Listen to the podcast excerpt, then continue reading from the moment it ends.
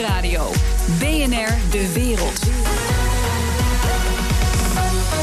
Bernard Hammelburg. De Amerikanen en Russen gaan binnenkort om tafel om te kijken of het conflict rond Oekraïne toch kan worden opgelost. Dat maakten de Amerikaanse en Russische ministers van Buitenlandse Zaken deze week bekend. Is dealmaker Donald Trump in staat de relatie met Rusland toch te verbeteren? Ik praat erover met Frank van Kappen, generaal buitendienst, Eerste Kamerlid voor de VVD en net terug uit Oekraïne. Welkom. Dank u wel. Um, voordat we uh, gaan hebben over mogelijke oplossingen. U komt net terug uit Oekraïne. Over het conflict in het oosten van het land horen we eigenlijk niet zoveel. Hoe staat dat er eigenlijk mee? Nou, eigenlijk niet zo best. Uh, sinds, het, uh, sinds het laatste bestand, uh, dat wordt voortdurend geschonden, zijn er alweer 150 militairen gesneuveld aan de Oekraïnse kant en met 95 gewonden. Dus dagelijks vinden er schendingen plaats. Dus wat dat betreft gaat het helemaal niet goed. Nee. Um, u was ook in Minsk, ja. ja. de hoofdstad van Wit-Rusland, waar dat akkoord is gesloten. Dat wordt ja. ook het Minsk-akkoord genoemd. En daar houden eigenlijk beide partijen zich niet aan. Hè? Daar komt het op neer. Nee, terwijl beide partijen zich ook wel realiseren dat het Minsk 2-akkoord dat dat eigenlijk toch wel de oplossing is. Wat, wat er verder ook aan mankeert, je zal dat aan de haren overeind moeten houden, want er is niks anders. Nee. Maar je kan ook zeggen dat, dat Minsk 2-akkoord is eigenlijk alleen maar een bevestiging van de status quo. Dus als dat wordt geïmplementeerd, dan krijgt Oost-Oekraïne toch een soort van autonomie. En ja. over Krim is het helemaal onduidelijk. Ja. Um, dus gesteld al, dat, wat iedereen nu zegt, dat Minsk-akkoord moet in elk geval worden uitgevoerd. Wat hebben we dan eigenlijk bereikt? Nou ja, wat je bereikt hebt is dat het niet verder escaleert. En wat je ook bereikt hebt is dat uh, de facto uh, de de facto situatie in feite wordt, uh, wordt gelegaliseerd zonder dat je daarbij de autonomie van Oekraïne over dat gebied opgeeft. Het wordt een autonoom gebied, een krijgt een autonome status, maar binnen de grenzen van de staat Oekraïne. Dus het is een compromis natuurlijk. Hè. De facto is dat natuurlijk dat een gebied wat volledig overheerst wordt door Rusland, maar de jure blijft het onderdeel van Oekraïne. En daarmee dat is voor de Russen aantrekkelijk, want daarmee bevries je dus het conflict. En ze hebben belang erbij dat het een bevroren conflict blijft. Want dat betekent, zolang er een bevroren conflict is in een land, kan je geen lid worden van de NAVO. En dat is dus van het belang van de Russen. Het belang van de Oekraïners is dat het vechten ophoudt, maar dat ze op, in ieder geval dat het onderdeel blijft van het land Oekraïne, ook al heeft het dan een autonome status. Ja, maar je kunt ook zeggen, als het in feite een autonome staat is die voornamelijk kijkt naar uh, Rusland. Wat, wat hebben we dan bereikt met dat akkoord vanuit ons perspectief? Nou, vanuit ons perspectief heb je bereikt dat het, dat het dan hopelijk niet verder escaleert. Hè? Dat je een soort van, eh, van, van, van, uh, van situatie krijgt zoals je dat ook in Georgië hebt, hè, met uh, Zuid-Ossetië. Dat er de facto dus een. er wordt niet meer gevochten, er wordt niet meer geschoten, maar er, is, er, is wel een, er is wel een scheiding, er is wel een scheiding plaatsgevonden binnen het land. Je bent dat stuk grondgebied eigenlijk de facto kwijt. Op papier niet. Hè. Op papier blijft het onderdeel van de staat Oekraïne. Het vechten is gestopt en je hebt daarmee ook de kans verkleind dat het, dat het conflict zich nog verder uitbreidt. Want het oorspronkelijke plan van de Russen was natuurlijk veel vergaander. Dat was doorstoten naar Mariupol, Odessa. En daarmee dus de hele kust, de hele kust ja. in bezit krijgen. En ook kunnen aansluiten bij dat andere gebied, dat andere bevroren conflict. Eh, Transnistrië in Moldova. Dat is het plan. En dat speelt nog steeds. Er zijn nu ook weer geruchten. Het zijn niet meer dan geruchten, maar ze zijn wel heel sterk. Dat de Russen toch overwegen om in Odessa weer iets te gaan doen. Ja, Um, in, u had het net over Zuid-Ossetië. De truc die ze daar destijds in Georgië ligt dat. Hè. De, uh, de truc die ze, de Russen daar destijds hebben toegepast is dat ze op een bepaald moment zeiden: wij verklaren alle burgers die daar wonen tot Russisch staatsburger. Ja, ja. Handige truc. Ja, is het ook. Ja, ja. maar Waar, waar, waar, ik steeds maar heen wil, is als dit nou allemaal wordt uitgevoerd. De, de, de eis was om de situatie helemaal terug te draaien. Met de Krim en met Oost-Oekraïne. Dat gaat ons niet lukken. Kun je niet omdraaien zeggen als dat Minsk-akkoord is geïmplementeerd, hebben de Russen in feite toch voor een groot deel wat ze, wat ze wilden. Dus ze ja, hebben gewonnen. Het, nou, ze hebben een gedeeltelijk een zin gekregen. Wat ze dus niet voor elkaar hebben gekregen, is hun oorspronkelijke plan. Hè, om het helemaal af te scheiden en een, onafhankelijk land te maken, als het ware. Een Russische vazalstaat. En door te stoten naar Mariupol, Odessa en die hele Zwarte Zeekust in, in handen te krijgen. Ja, goed, maar you, you win some, you lose some. Ja, je win some, you lose some. Het is natuurlijk een compromis en, en een on, ongemakkelijk compromis. Ja, maar goed, daar zouden wij ons dan bij moeten neerleggen. En de, de Krim al helemaal. Want die zijn, ik, de, mijn, mijn stelling is al, die zijn we gewoon kwijt. Je kan er lang voort ja. over praten, maar het is wat het is. En maar dat zullen, we, dat zullen we nooit officieel toegeven. Dat, uh, dat, dat, Waarom dat eigenlijk niet? Omdat als je dat doet, dan is het het openen van de doks van Pandora. We hebben in de tijd in Helsinki afgesproken met de Russen dat we de soevereine grenzen en de territoriale integriteit van de landen in Europa zouden, zouden, zouden, zouden respecteren. Als je dit toestaat, dan is daarmee dus die, eh, die Helsinki-akkoorden zijn geschonden. Je hebt de deur opengezet, box van, box van Pandora. Dan krijg je hetzelfde gedonder met Zuid-Ossetië, met Abhazie, met uh, Transnistrië. Dan, uh, dan, dan open je echt een, een, een, de doos van Pandora. Ik zeg het nog maar een keer. Ik, ik ook, maar dan vraag ik nog een keer. Nou en, gesteld dat dat gebeurt. Ja. Dat zijn die staatjes die u noemt. Ik geloof Zuid-Ossetië en um, hebben samen een bevolking die minder is dan Arnhem. Dus wat kan het ons eigenlijk schelen? Ja, het klinkt een beetje hard, maar toch. Ja, wat het ons kan schelen is wat ik net zei. Je, je, opent, daarmee, je opent daarmee de deur voor nog veel verdergaande territoriale ingrepen in, in het Europa zoals we dat kennen. Ja. In feite is het voor de Russen een enorme belasting en kost ze bakken vol met geld. Dat is waar. Maar ik hoor nooit meer iemand over Tibet. Nee, dat is op dezelfde manier ingelijfd door, eh, door China. En uh, ja, behalve de Dalai Lama, maar die neemt niemand meer serieus. Nee, dat is zo, maar de internationale politiek, uh, dat, dat weet u als, als geen ander, is natuurlijk helemaal niet vrij van. Het, het, is niet wat je noemt een heel eerlijk spel, zoals mijn moeder dat allemaal heeft uitgelegd. nee, oké. Okay. Um, even de, de, de rol van Trump. Hoe staat hij in deze kwestie, denkt u? Want het, het, komt mij steeds voor dat hij een soort van praktische benadering probeert. Hij heeft natuurlijk dat probleem met Rusland, maar dat gaat over de verkiezingen. Maar dat even vergeten. Ik denk steeds dat hij er naar streeft om, als het ware, mijn redenering te volgen. You win some, you lose some. Dat, dat, uh, die Krim zijn we kwijt. Uh, en dat Oost-Oekraïne eigenlijk ook. Dus uh, let's move on. Laten we proberen om de relatie te, te herstellen. Nou, dat klopt wel aardig. Kijk, de grote angst die wij hadden een tijdje geleden, toen die verhouding met Poetin vrij aardig leek te zijn, was dat, uh, dat Trump en Poetin een nieuw Jalta zouden afsluiten. Dus een, uh, met z'n tweeën zouden zeggen: Nou, laten we die zeurende Europeanen maar in de hoek laten staan. Die slaan toch geen deuk in een pakje boter. Wij gaan nu samen even een business deal maken hoe we de invloedssfeer in Europa gaan verdelen. Wat Zo, ook zoals, Jalta is zoals Ro Roosevelt en Churchill en Stalin in de wereld ook hebben Dat was de grote angst die wij hadden als, uh, als NATO-parlementariërs. die kans is wat kleiner geworden, omdat de verhouding tussen Rusland en Poetin, of tussen Poetin en, en Trump natuurlijk de laatste tijd behoorlijk onder druk heeft gestaan. Dus ik denk dat die kans in ieder geval veel kleiner is geworden. Maar wat ze wel zullen proberen, denk ik, is om tot een soort van uitruil te komen. Uh, waarin uh, we in feite de situatie van Minsk 2 uh, als uitgangspunt nemen. Zeggen, nou, als we daar nou een overeenstemming over kunnen bereiken, dan zien we wel weer verder. Ja. en dan lijkt het, lijkt, het, lijkt het mij dat Trump zegt: als dat gebeurt en het wordt ook echt geïmplementeerd en het is controleerbaar, dan kunnen we best iets doen aan het afbouwen van die sancties. Ik denk, denk, dat dat zijn beleid is. Dat zou, wat betreft Trump, denk ik wel zo zijn. Ik denk dat het Amerikaanse congres er anders over denkt. Ja, dat is waar. Maar goed, uh, we hebben gezien dat hij allerlei methoden heeft om dan toch per ja. decreet of zo besluiten te nemen. Dat mag hij trouwens in zulke soort kwesties. Ja, absoluut.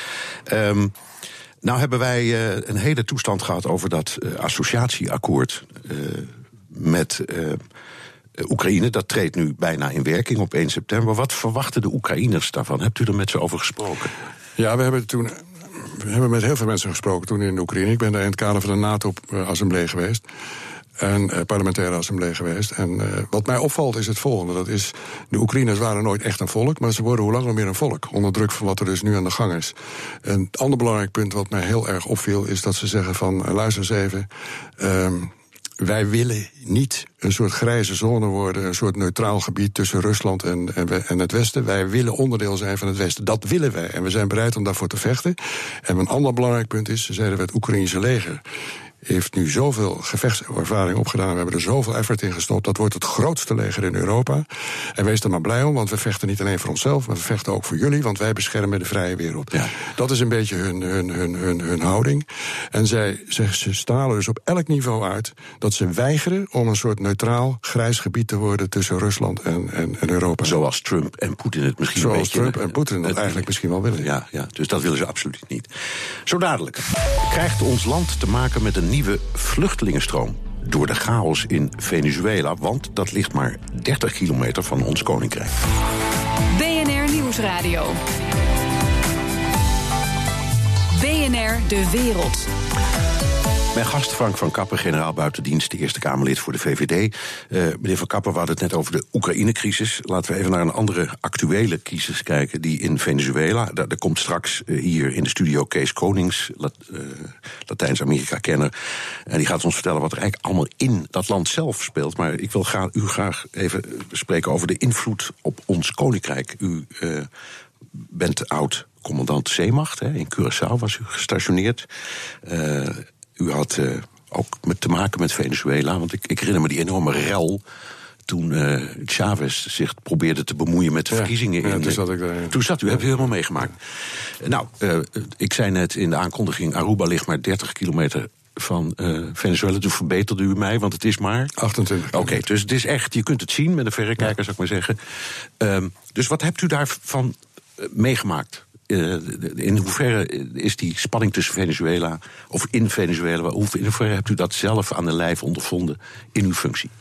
Ja, het gekke is dat toen ik daar zat als commandant Zeeman... hadden we een redelijk goede relatie met de Venezolanen. We werkten intensief samen met de Venezolaanse marine. Ik heb nog twee onderscheidingen van ze gekregen zelfs. En dat was eigenlijk op operationeel gebied was dat helemaal geen probleem. Wat ik wel heb meegemaakt toen, uh, Chavez was toen nog militair, was overste bij de parachutisten, begon toen zijn eerste coup, die mislukte. En toen week hij met twee Hercules vliegtuigen uit naar Curaçao. En wilde daar met die parachutisten landen. En ja, wat hij van plan was, dat wist niemand. Maar goed, hebben we vanaf weten te houden, door met allerlei bedreigingen van als je landt, dan gebeuren er allerlei vreselijke dingen met je.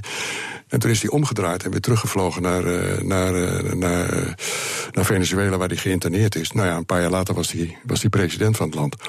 Maar in die periode, toen was Chavez dus nog niet aan de macht, hadden wij een redelijk goede relatie met de Venezolanen. Ja, um, als je het nu over de crisis hebt die zich daar voordoet. Um, dan denk je meteen aan vluchtelingen, want er zullen mensen weg willen. Is dat een probleem? Wijken krijgen we een soort van uh, mini-Middellandse uh, Zee-achtige situatie daar in dat Caribisch gebied. Als in Venezuela echt een gewapende burgeroorlog uitbreekt, en dat betekent dat een deel van het leger zich dan uh, daarachter zou moeten scharen, dan zal dus de, de, de, de, de, stroom van vluchtelingen die nu erg meevalt. Ja, het, het is wel vervelend en er zijn er te veel. Maar, maar zijn, dat, dat, is nog manageable. Maar er zijn, er zijn wel al vluchtelingen. Ja, ja, ja, ja. Nee, elke week worden er wel een stuk of twintig worden er, worden er opgepikt. Maar dan, dan heb je kans dat er inderdaad een hele grote vluchtelingenstroom gaat ontstaan. Ik acht die kans nog steeds aanwezig, maar uh, dan hebben we wel een probleem. Want zowel Aruba als uh, Nee, Curaçao heeft helemaal geen wetgeving op dit gebied. Aruba heeft wel wetgeving, maar de eilanden zijn veel te klein. Het is in eerste instantie een verantwoordelijkheid van de landen. Hè, want het zijn autonome landen binnen het Koninkrijk. Niet onafhankelijk, maar ze zijn wel autonoom. En dit is een landsaangelegenheid. Dus het is hun verantwoordelijkheid. Maar als ze het niet aankunnen, en die kans is dan vrij groot... als er een gewapende oorlog uitbreekt, echt een gewapende strijd uitbreekt in Venezuela... ja, dan zullen ze het Koninkrijk om hulp vragen. En dat zijn eigenlijk wij. En dan zullen we er iets aan moeten doen. Een ander punt is wat een hele hoop mensen zich niet realiseren. Als ze naar Bonaire gaan, dan zijn ze binnen Nederland. Ons koninkrijk zit complex in elkaar. Want Bonaire is geen autonoom land, maar is een bijzondere Nederlandse gemeente van Europees Nederland. Dus, als je daar, is meteen ons probleem. Als je daar landt als vluchteling en je zegt ik vraag asiel, dan val je onder het Nederlands recht en dan kom je dus Op Bonaire wel, ja. val je onder ons ja. asiel. Bonaire is meteen ons probleem. Ja, en dan, en, maar, maar in Aruba en, en uh, Curaçao dan niet, dus die moeten dat zelf oplossen. Maar zoals u zegt, mocht dat gebeuren en ze doen een beroep op ons, ja, ja we, kunnen ze, ze moeten helpen. Ja. we kunnen ze moeilijk laten stikken. Um, zou ons koninkrijk op de een of andere manier door al die omstandigheden betrokken kunnen raken in een burgeroorlog of in de spanningen in dat land zelf? Of, of kan dat zich uitbreiden naar het Caribisch gebied? Want het zijn, die, die, die verbanden zijn allemaal heel nauw. Ja, er, zijn, er zijn, naar mijn idee, maar dat is mijn persoonlijke mening, zijn er twee mogelijke scenario's. Dat is het Urbina-scenario en dat is het Falkland-scenario. Het Urbina-scenario, dat is in, acht, in 1929, was er ook zoiets aan de gang. Een dictatuur in Venezuela, een opstandelingenleider, een zekere meneer Urbina. Nee, met zijn broer, geloof ik. Ja, ja, die zijn toen op een gegeven moment met 250 Venezolanen hebben ze Curaçao, eh, hebben ze het, het Fort Amsterdam bezet, de gouverneur gevangen genomen, de staatskas geplunderd, de, de, de wapenkamer geplunderd en zijn daarna weer gesmeerd. In die tijd had er nog geen militaire echte militaire aanwezigheid op Curaçao. Sinds dat moment, uh, 8 juni is dat gebeurd, 11 juni is het eerste stationsschip daar gestationeerd en zit er dus nu een militaire aanwezigheid. Die kans dat als er een burgeroorlog uitbreekt, ook gewapende groepen die op een of andere manier in de knauw komen, zullen proberen uit te wijken naar Aruba en Curaçao, die is aanwezig. Ja. Het andere, het andere scenario was Falkland, zijn. Het andere scenario is het Falkland scenario. Venezuela claimt nog steeds dat de eilanden hun uh, toebehoren. In dit koloniale tijd werden ze bestuurd vanuit, uh, vanuit, uh, vanuit Venezuela, toen het allemaal nog Spaans was. We hebben het op de Spanjaarden veroverd. Nadat ze onafhankelijk zijn geworden, zeggen ze ja, dat is eigenlijk van ons, want wij zijn de erfgenamen van de Spanjaarden. En het staat ook in hun grondwet dat die eilanden eigenlijk van hun zijn. Tot nu toe hebben ze gezegd, zolang het onder Nederlands bestuur is, of zolang het onderdeel is van het Koninkrijk, dat hebben ze in 1970 nog een keer bevestigd. We handhaven die claim, maar we zullen hem niet uh, ja, opvolgen. Maar in 2005 heeft het even heel erg gespannen. Toen begonnen ze toch weer te praten over, uh, over dat het eigenlijk eilanden van hun waren. In 2010 hebben ze ons beschuldigd dat wij een koepoging hebben gepland op Bonaire... om er de regering uh, Chavez omver te werpen. Dus het speelt nog steeds op de achtergrond. Maar goed, dat is los van. Uh, dat, daar heb je als defensieorganisatie wel mee te maken. Dat is externe verdediging, dat is onze verantwoordelijkheid. Dat zijn wel twee scenario's waar we rekening mee houden. De vluchtelingenstroom is een gevolg van zo. Ja. En dat is een heel ander verhaal, want zoals ik al gezegd heb, dat is niet direct onze Nederlandse, Europees-Nederlandse verantwoordelijkheid. Het is een verantwoordelijkheid van de landen zelf. Ja. Maar als het niet fixen, dan zullen ze een beroep doen binnen het Koninkrijk op Nederland. Ja, en dan is het in geval moreel een verantwoordelijkheid. Absoluut. Kunnen we niet onderuit. Ja. Um, denk, houdt u daar echt rekening mee dat zoiets gebeurt? Nou, de eerste tekenen zijn er. Uh, tot nu toe was het natuurlijk stenen gooien en demonstranten en nog geen echte gewapende opstand. Maar de eerste tekenen zijn er. In de rechterhand van, uh, van Maduro is een zekere meneer Cabello. Dat was de man die enorm veel invloed had in het leger. Het leger werd ook goed betaald. Maar die meneer Cabello is ontslagen. Na dat kleine koeppogingje wat we net hebben gehad in het afgelopen weekend. Er een klein groepje militairen zei: we hebben er genoeg van en we, we starten een koep. Dat is onmiddellijk neergeslagen.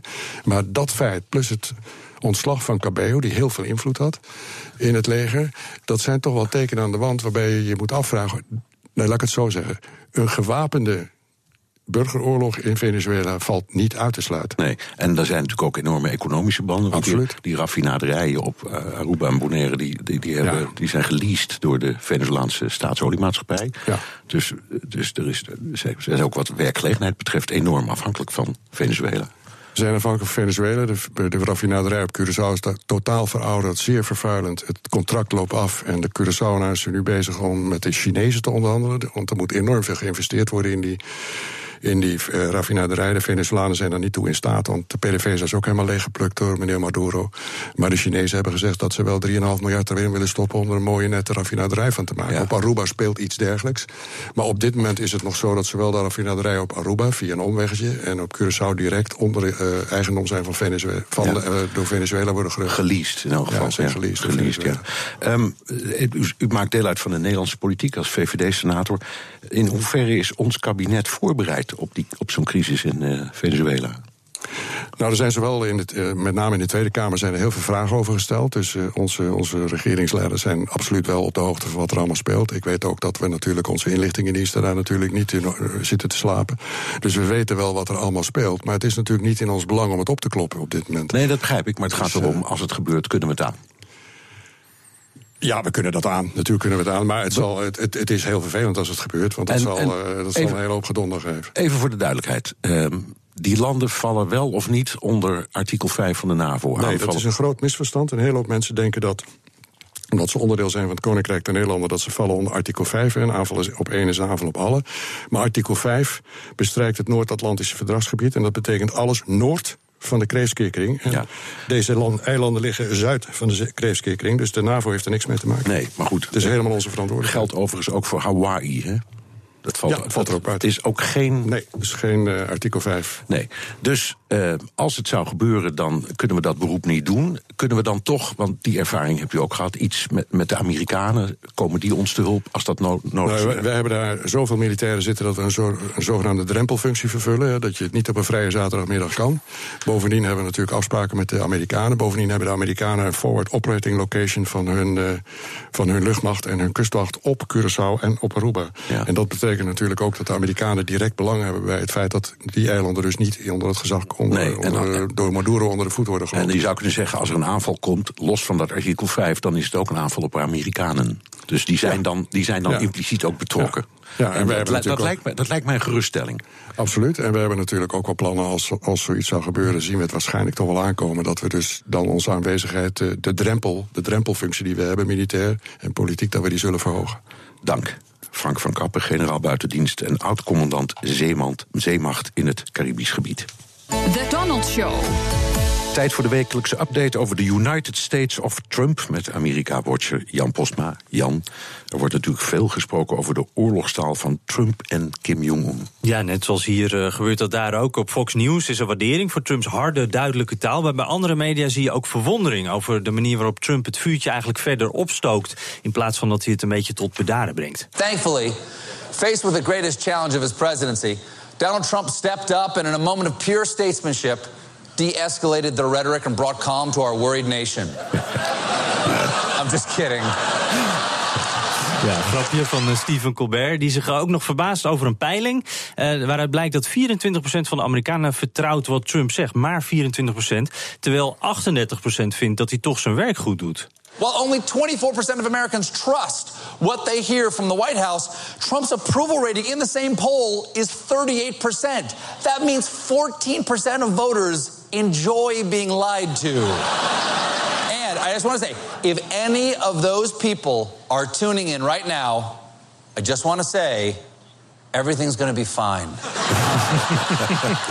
ja, als het ook om eh, Noord-Korea en, eh, en uh, Trump gaat, alles komt goed als je het tenminste gelooft. En uh, wat je dan gelooft, dat wordt natuurlijk vooral bepaald door welke media je volgt. Hè. En dat is iets waar Trump dus op dit moment, ja, hij werkt daar aan mee, aan die scheiding, maar waar hij ook nu op inspeelt. Ja, want hij heeft zijn eigen tv-kanaal, Facebook. Ja, klopt. En, Trump TV heet dat. En je kan inderdaad via Facebook kan je kijken. Hij komt bij mij ook automatisch in mijn timeline voorbij. Het wordt gepresenteerd door een dame die voorheen op CNN te zien was. Hij was een soort pro Trump-duider, uh, zeg maar. Even iemand die altijd het met Trump uh, eens was. En uh, dat Trump-TV, dat klinkt zo. Thank you for joining us as we provide you the news of the week from Trump Tower here in New York.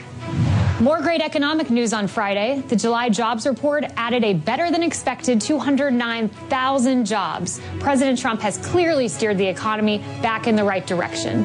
Thank you for joining us, everybody. I'm Kaylee McEnany, and that is the real news. Ja, de real news. Dit is Trumps uh, tegenhanger van al dat fake news natuurlijk. En je hoort ook de toon al. Hè. Uh, hij heeft helemaal de economie weer de goede kant op gestuurd. Zoveel het, banen erbij. Ja, het gaat Geweldig. echt supergoed. Het is echt uh, de goed nieuws show. dit, dit was de eerste aflevering daarvan ook. Uh, en, en wat je dan ziet, uh, is dat wordt natuurlijk meteen gefactcheckt. Uh, economen die worden dan geciteerd, die zeggen van ja, Trump die profiteert van wat Obama is gestart. En bovendien, je kan ook zeggen dat Trump heel weinig economisch beleid erdoor heeft gekregen. Dus hoeveel invloed kan hij dan hebben?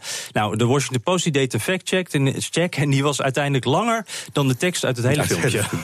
Real news wordt gemaakt vanuit de Trump Tower en is dus, lijkt mij, een familieaangelegenheid. Ja, zoals alles met Trump. Hè. Ja, deze wordt door, door Lara Trump uh, gemaakt. Dat is de schoondochter, de vrouw van Eric Trump.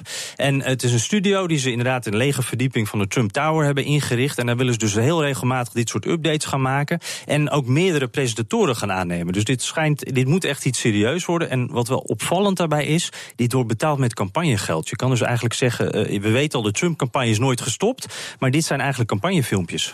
Ten slotte, uh, comedian Bill Maher vroeg zich af hoe de Republikeinen zouden hebben gereageerd als Obama zo had getweet sieht, als Trump. Ja, en dit vind ik wel goed hoor. Het is echt heel erg uh, grappig en vervreemdend om te zien. Want uh, Trump nadoen, dat is eigenlijk vaak helemaal niet zo grappig. Want het origineel is dan eigenlijk veel interessanter. Maar Bill Maher die, die, zegt, er is eigenlijk een dubbele moraal. Hè? Als Obama had gezegd en getweet wat Trump nu zegt en tweet... dan waren die republikeinen furieus geweest. Nou, hij laat nu een Obama-impersonator, iemand die zo nadoet... Hij laat die Trump-quotes voorlezen.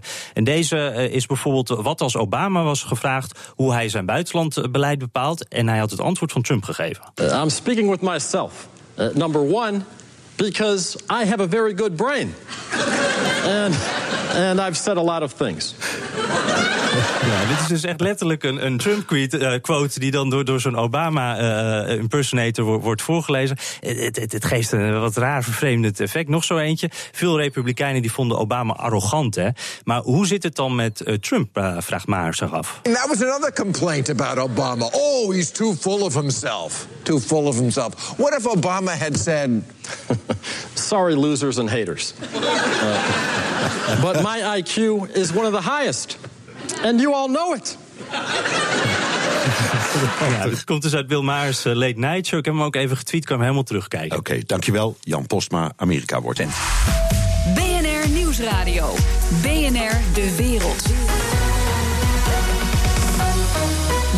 De spanning tussen Noord-Korea en de VS loopt verder op. Nu dreigen de Noord-Koreanen met het vuren van middellange afstandsraketten richting het Amerikaanse eiland Guam.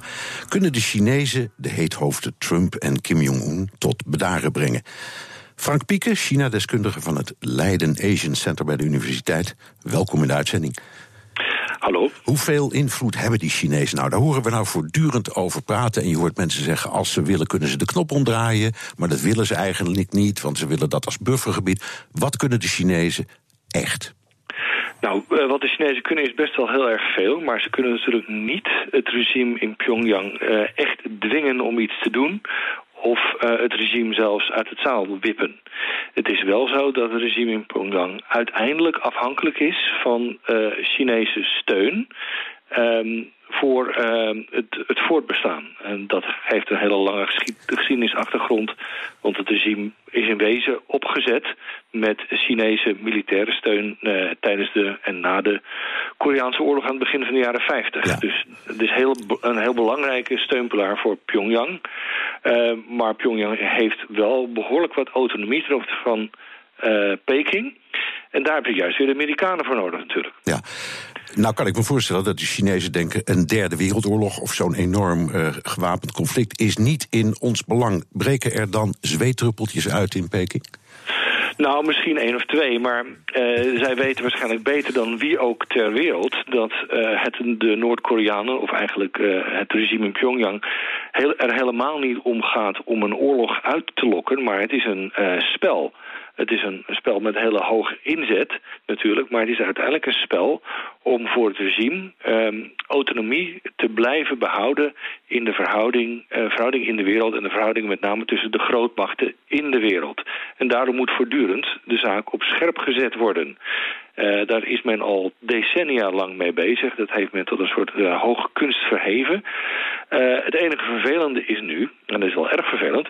dat er nu een echte nucleaire dimensie aan vast zat. Ja. En tot een jaar of tien geleden of zo konden we daar een beetje ja, gekscherend over doen. Of misschien, ja, maar ze, maar ze hebben show, hem. maar nu niet. Ze hebben hem, ja. Ze hebben hem, maar het is natuurlijk wel heel primitief en zeker nog niet direct inzetbaar. Daar moeten we ook uh, wel duidelijk over zijn. Ja, maar laten we nou eens um, andersom denken. Als Trump um, besluit om militair in te grijpen omdat hij het risico te groot vindt, of wat dan nog, of er komen mm -hmm. echt raketten richting Guam, wat doen de Chinezen dan? Nou, ten eerste zal Trump het nooit ver, zover laten komen. Want uh, zijn ministers uh, van Buitenlandse Zaken en Defensie zijn juist heel gematigd aan het spreken hierover. En dat doen ze natuurlijk niet voor niets, want ze weten ook wel dat je dingen enorm op scherp, scherp zet. Dus wat Trump zegt en wat zijn regering gaat doen zijn twee hele verschillende dingen. En het laatste wat het Noord-Koreaanse regime zal doen... is daadwerkelijk raketten afschieten richting Guam. Dat... Dus, dus zij gaan dat niet doen, ze zeggen het. Ze zijn met plan bezig, maar het gaat niet gebeuren, zegt u. Het is bluff, uh, maar het is wel een hele belangrijke bluff. Uh, en het enige gevaar is inderdaad dat uh, Trump die bluff echt serieus gaat nemen. En denken dat er een echte bedreiging is. En hij is de opperbevelhebber. En hij is helaas de opperbevel, ik hoop alleen wel, dus nou, dat heb ik net ook al gezegd... dat er een aantal mensen om hem heen zijn uh, die wat uh, meer diplomatie, diplomatieke ervaring uh, kunnen inbrengen. En vertellen dat het eigenlijk nou, niet meevalt, is dat, dat is niet waar. Maar in ieder geval dat het niet, de soep niet zo heet wordt gegeten als hij wordt opgediend. Nee, minister van Buitenlandse Zaken Tillerson zei van de week... U kunt, u kunt, rustig gaan slapen, daar bent u het klaarblijkelijk mee eens. Nou, zo sterk is ook... Ik zou niet heel rustig gaan slapen, maar het is wel zo dat er geen... Uh, nucleair Armageddon uh, voor de deur staat. Zeker niet. Dank, Frank Pieke, China-deskundige van het Leiden, Leiden Asian Center bij de Universiteit Leiden. BNR De Wereld. Blik op Europa. Slavernij komt voor in iedere grote stad in Groot-Brittannië. Tot die schokkende conclusie komt het Britse National Crime Agency. Maar niet alleen aan de andere kant van het kanaal, maar ook in de rest van Europa neemt de kans op moderne slavernij toe. Europa-verslaggever Jesse Pinster, hoeveel slaven zijn er volgens dat onderzoek in Groot-Brittannië? Ja, dat agentschap wat onderzoek doet naar georganiseerde misdaad dacht eerder dat het om 10 à 13.000 zou gaan. Dat blijft natuurlijk altijd schattingen, want precies kan je het niet helemaal weten. Maar nu zeggen ze dat is werkelijk het topje van de ijsberg. Want hoe meer onderzoek wij doen, hoe meer slavernij wij tegenkomen. En de afgelopen maanden hebben ze extra in uh, meer politieonderzoek laten doen. Ze hebben bijvoorbeeld uh, 111 arrestaties in Groot-Brittannië gedaan, maar ook 40 in andere Europese landen. En ja, die schatting die hij nu gaf, die was niet heel concreet, maar tienduizenden, daar hield hij toch wel rekening mee. mee. Eh, de directeur Will Care, die eh, eerder vandaag een persconferentie gaf. En hij zei: Ja, ik ben toch echt gechoqueerd over de schaal waarop slavernij in ons land voorkomt. Hoe ziet die moderne slavernij eruit? Nou, het is in ieder geval in heel veel sectoren. In eerste instantie zou je denken aan prostitutie, daar komt het natuurlijk absoluut voor. Maar moderne slavernij is, uh, gaat breder. Dat kunnen ook natuurlijk mensen zijn die voor een paar euro ergens aan het uh, werk zijn in een, een, soort bouwval wonen. Dus de sectoren die zij noemen is de voedselverwerking, de visserij, de landbouw, de bouw, de verzorgingszorg, huishoudelijk werk en autowasserettes. En dan gaat het meestal om uh, mensen uit Nigeria en Vietnam. Maar als we binnen Europa kijken, vooral Oost-Europeanen, Roemenen, ook wel Polen, Al Albanese. Um, het is dus eigenlijk vaak ook een vorm van, van uitbuiting. Weet je, slavernij, dan denk je toch gelijk dat iemand vastgeketend zit en geen enkele cent krijgt. Maar er zitten wel vrij schokkende verhalen tussen. Ze vertelde ze het verhaal van een 12-jarig Roma-meisje dat door haar vader verkocht is aan een familie in Groot-Brittannië. Zodat zij daar de kinderen van die Britse familie naar school kon brengen, kon ophalen en tussendoor het huis schoon kon gaan maken. Komt dat nou ook in de rest van Europa voor? Want we hebben het nou over Groot-Brittannië, omdat daar nou vandaag die cijfers zijn. Maar hoe zit het daar? Nou, toevallig is er ook vandaag een ander onderzoek uitgekomen, de Modern Slavery Index 2017. Dat komt van consultants van V-Risk Maplecroft. Die maken dat als een soort van waarschuwing aan bedrijven: van kijk nou uit, hier en hier loop je wellicht risico dat er ineens slavernij in je productieketen uh, voorkomt. En zij zeggen dat in 20 van de 28 Europese landen het de verkeerde kant op gaat. Ik bedoel, we hebben het niet over, net ging het over Noord-Korea. Het is niet de situatie zoals in Noord-Korea. Dat is een van de landen waar je de grootste risico loopt om in de slavernij te behandelen.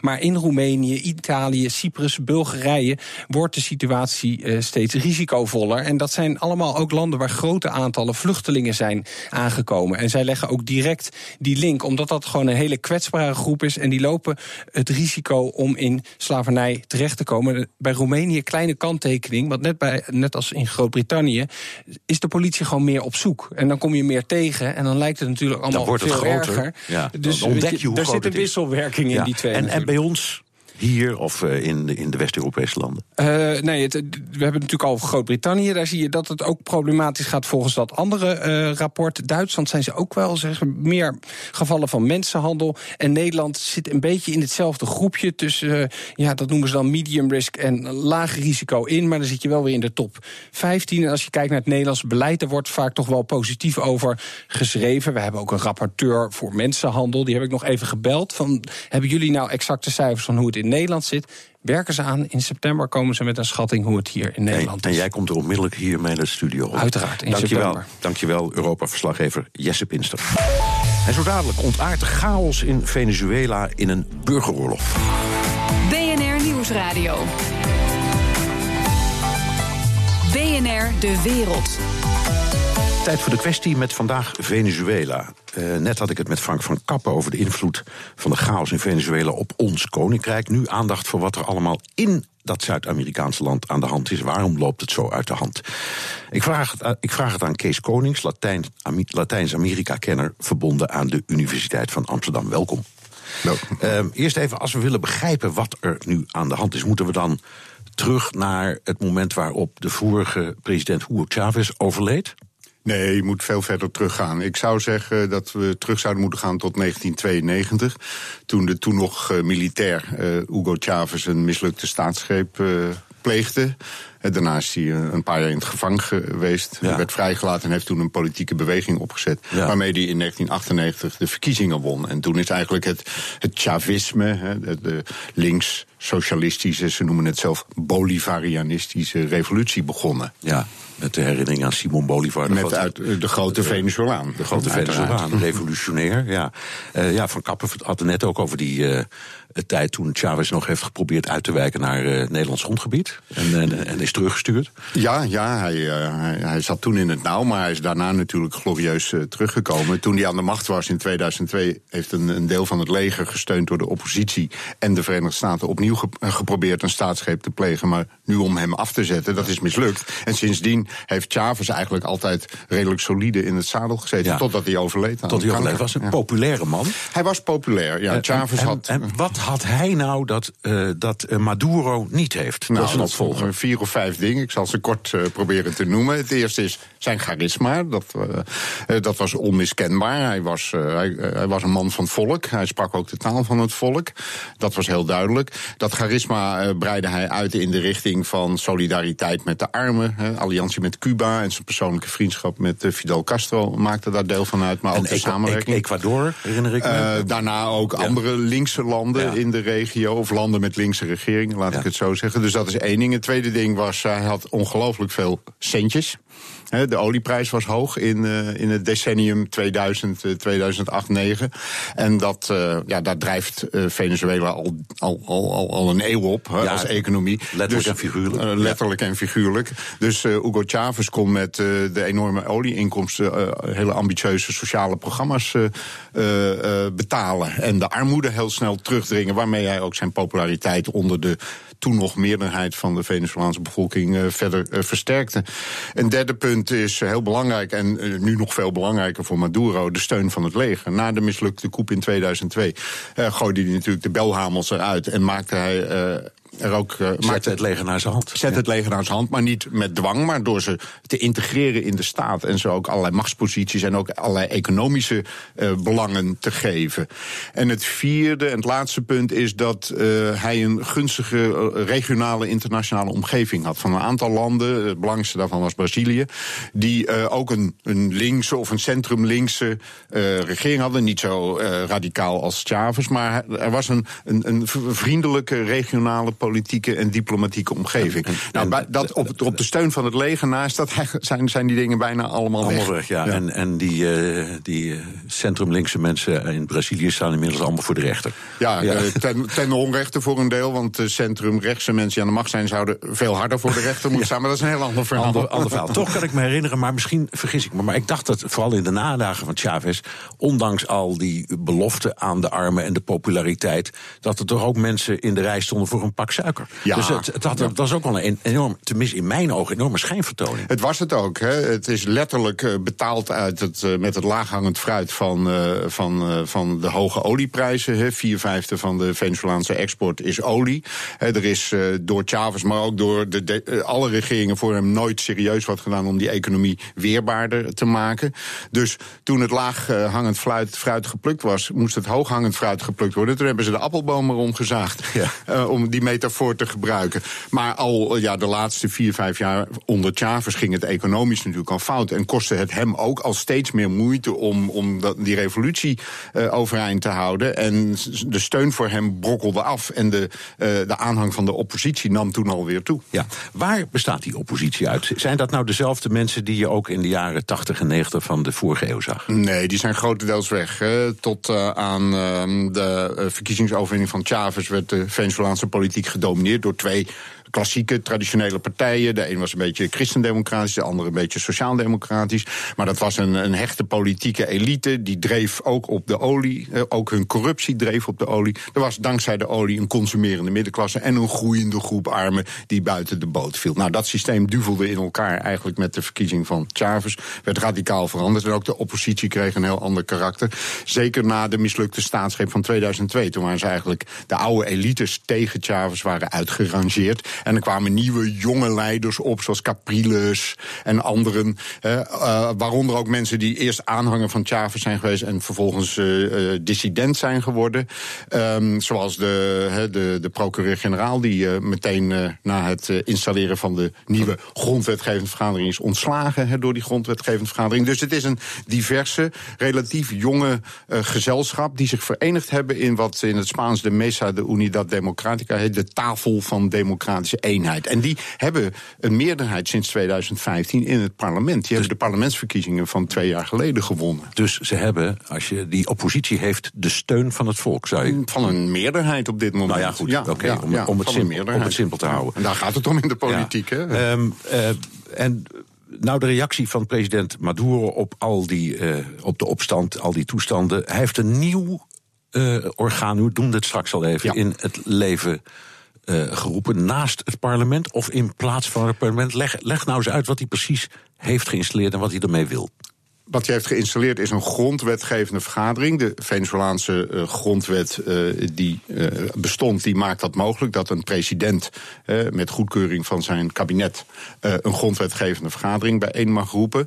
Maar deze grondwetgevende vergadering gaat niet een nieuwe grondwet schrijven. Er is al een grondwet die het regime heel veel macht geeft. Maar zoals het regime van Maduro heeft aangekondigd, die willen met name de sociale verworvenheden van de revolutie consolideren dus grondwettelijk maken. Ze willen de staat hervormen. Um, en um, maar dus niet een hele nieuwe grondwet nee, uh, en, maken. Dat, en dat is dan, hoeveel mensen zitten erin? Meer dan er zitten 515 in, geloof ik. Ja. En, en, dan heb je, het parlement bestaat dan ook ja, nog? het parlement bestaat. He. Maduro heeft ook altijd geroepen dat dat ook niet ter discussie staat. Maar wat er in de praktijk vermoedelijk gaat gebeuren...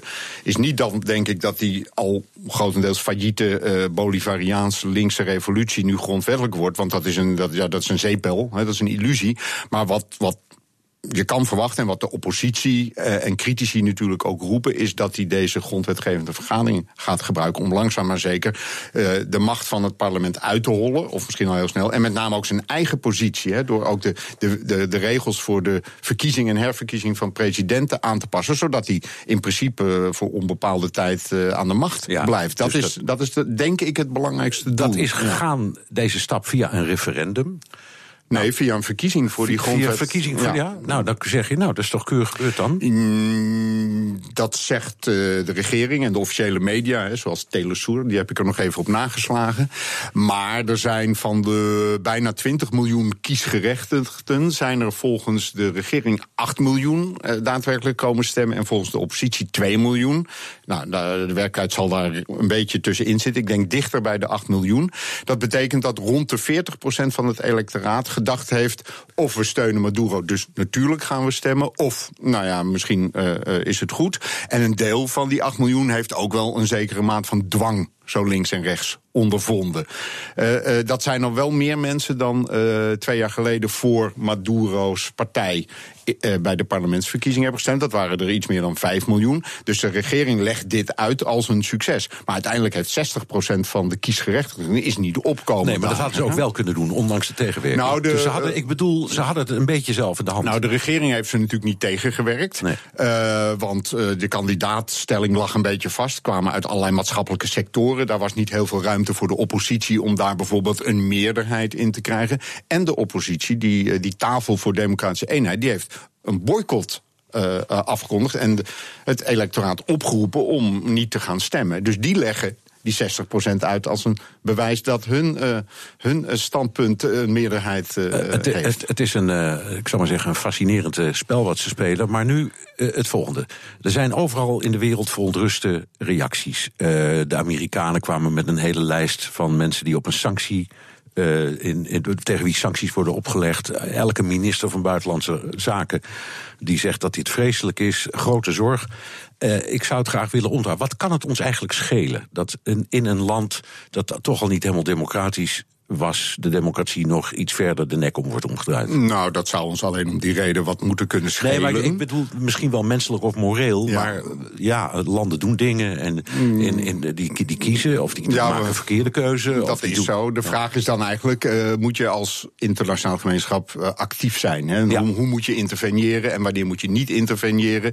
Wat kan je doen om de gemoederen tot bedaren te drenken? Ik denk dat voor de internationale gemeenschap nu de beste koers is om, om om, om, om aan te dringen op dialoog hè, tussen uh, de oppositie en de, en de regering. Het, het, het moet geen Syrische uh, inferno worden. Hè. Dat, nee. dat, is denk ik het, het doemscenario wat je in dit soort situaties voor ogen staat, dat het ontaart in een burgeroorlog waar geen winnaar uitkomt. En dat zou de internationale gemeenschap vooral aan het hart moeten gaan, met alle humanitaire gevolgen uh, die zo'n escalerend conflict richting een burgeroorlog zou hebben. En is die kans er?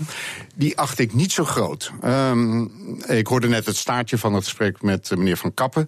Ik denk dat voor een uh, burgeroorlog in Venezuela de belangrijkste voorwaarde niet vervuld lijkt te zijn, namelijk dat het leger als enige serieuze geweldsapparaat, los van wat milities en wat semi-criminele bendes in de steden, dat dat gespleten zou moeten zijn. En daar acht ik de kans heel klein op. Het leger heeft te veel belang bij de huidige situatie om, om, om, om, om zich uiteen te laten spelen. Ja, maar het, het leger, dat vertelde u net, door Chavez eigenlijk helemaal naar de hand van de president is gezet. Dat, je zou ook kunnen zeggen, nou dan, als er wat gebeurt, en er zijn nu al opstandjes en die lopen al een beetje uit de hand, dan kan het leger ook ingrijpen dat ten gunste van de president. Maar dat doen ze natuurlijk al. dat, maar eh, het enige wat ze tot nu toe hoeven te doen, is die demonstraties de kop in te drukken. En dat gaat met grof geweld. Hè. In de afgelopen week waren er al tien doden. Lijken tien doden heel weinig als je het met andere uh, uh, situaties in de wereld vergelijkt. Maar voor het onderdrukken van wat bedoeld wordt als vreedzame protesten is dat natuurlijk redelijk heftig. Meer hoeft het leger niet te doen. Er is bij de oppositie niet een voldoende sterke, gewapende uh, uh, vermogen om, om, om, om de staat uit te dagen. En, en, dan kan het leger en de politie kunnen zich beperken tot ordehandhaving en het ook zo noemen. En dan kunnen ze de demonstranten terroristen of criminelen noemen. En dan ziet het natuurlijk wel heel heftig uit. Hè, uh, maar het, het, het, gaat niet zo ver als een, een volledige burgeroorlog. Nee. Uh, maar ik begrijp, als ik u goed begrijp, zegt u... ja, ze hebben gedaan wat ze hebben gedaan... maar het is toch ook wel een beetje ons probleem? Want als het uit de hand loopt, dan is het voor ons allemaal behoorlijk... Nou, in eerste instantie voor het Venezolaanse volk. Ja. Hè. De economie ligt al op zijn gat, maar de humanitaire crisis zal veel erger worden.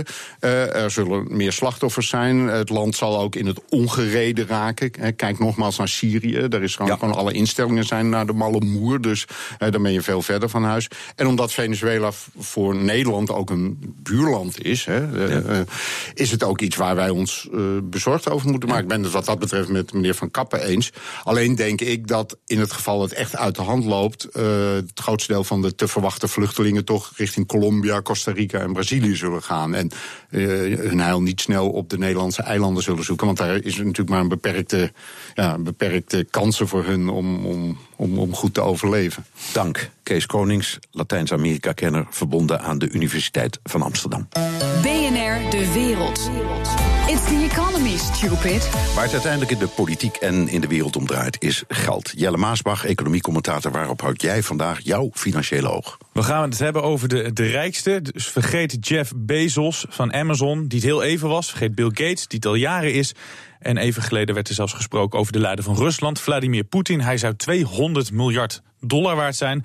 Geld dat uh, hij zou hebben afgepakt van uh, oligarchen. Dus dachten ze bij de Visual Capitalist blog: wie is nu de rijkste ooit? Nou, dan maken we even een stukje geschiedenis, een rondje door de tijd. De rijkste man die de wereld ooit gekend heeft, volgens deze website, is Augustus Caesar. Dat is de achterneef en uiteindelijk de erfgenaam van de legendarische Julius Caesar.